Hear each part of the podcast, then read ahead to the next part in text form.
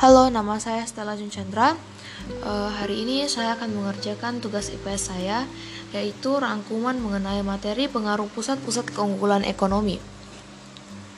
Pusat keunggulan ekonomi di Indonesia berpengaruh besar dalam berbagai bidang kehidupan. Contohnya seperti A. Migrasi penduduk Perbedaan karakteristik ruang dan sumber daya yang dimiliki pada berbagai negara menyebabkan setiap negara memiliki keunggulan ekonomi yang mendorong untuk melakukan mobilitas penduduk. Mereka melakukan mobilitas untuk memperoleh sesuatu yang tidak tersedia di daerah asalnya. Alasan tersebut sangat beragam, tetapi umumnya karena alasan ekonomi. Mobilitas penduduk ada yang bersifat sementara, ada pula yang bersifat permanen. Mobilitas penduduk yang sifatnya menetap atau permanen disebut migrasi. Migrasi penduduk dapat dibedakan menjadi migrasi internal dan, dan internasional. Migrasi internal adalah perpindahan penduduk dari suatu tempat ke tempat lainnya dalam satu negara. Migrasi internasional adalah perpindahan antar perpindahan penduduk antar negara. Pusat keunggulan ekonomi yang ada di Indonesia dapat berpengaruh terhadap perpindahan penduduk atau migrasi penduduk akan melakukan perpindahan ke wilayah yang mendekati pusat keunggulan tersebut. B. Transportasi Dalam kegiatan transportasi, keberadaan pusat keunggulan ekonomi juga membawa pengaruh besar.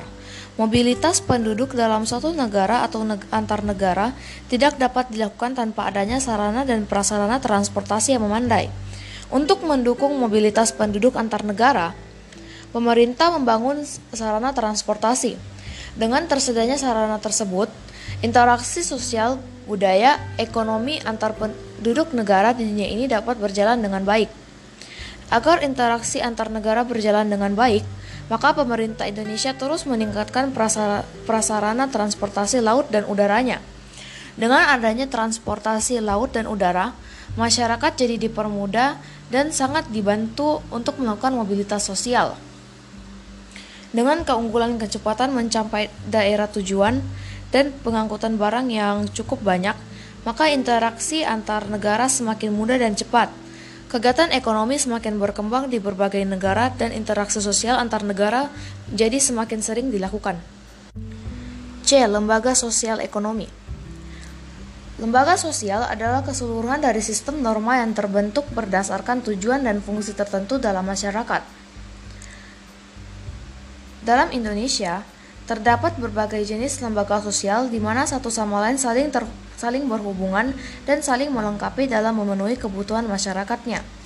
Di dalam kehidupan masyarakat akan terlihat berbagai macam lembaga sosial yang ada, seperti lembaga pendidikan, keluarga, politik, dan ekonomi. Lembaga ekonomi bagian dari lembaga sosial yang mengatur tata hubungan antar individu yang menyangkut pemenuhan kebutuhan pokok manusia.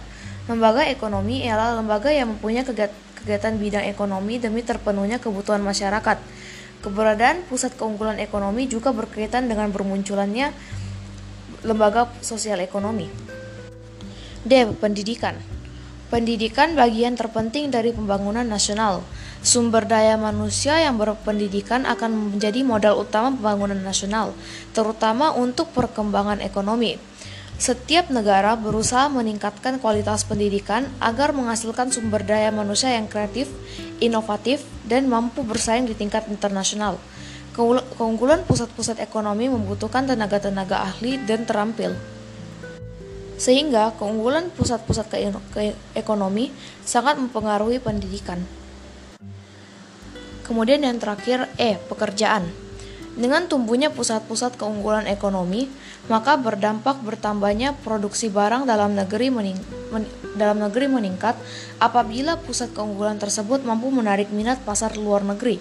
Kenaikan jumlah produksi tersebut berakibat pada bertambahnya kebutuhan tenaga kerja sehingga akan memperluas lapangan kerja. Sekian rangkuman saya, terima kasih.